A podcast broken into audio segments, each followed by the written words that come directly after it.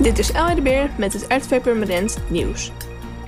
Bij de Milieustraat aan de Van IJsendijkstraat heeft dinsdag rond kwart voor twee een aanrijding plaatsgevonden tussen een personenauto en een busje.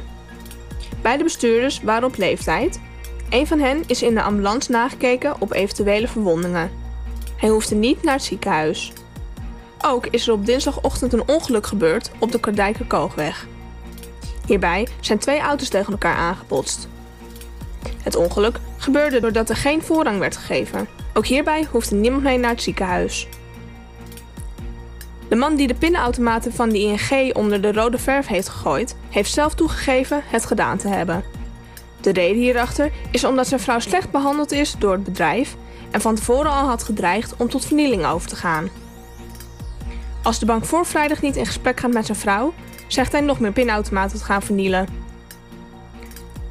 Van 17 juli tot 5 september is het mogelijk om vrijdags en zaterdags te picknicken bij de boer.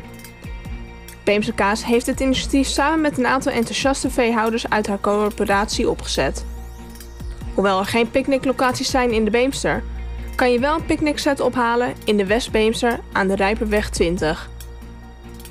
Voor meer nieuws, kijk of luister natuurlijk naar RTV Permanent, volg je onze socials of ga je naar rtvpermanent.nl.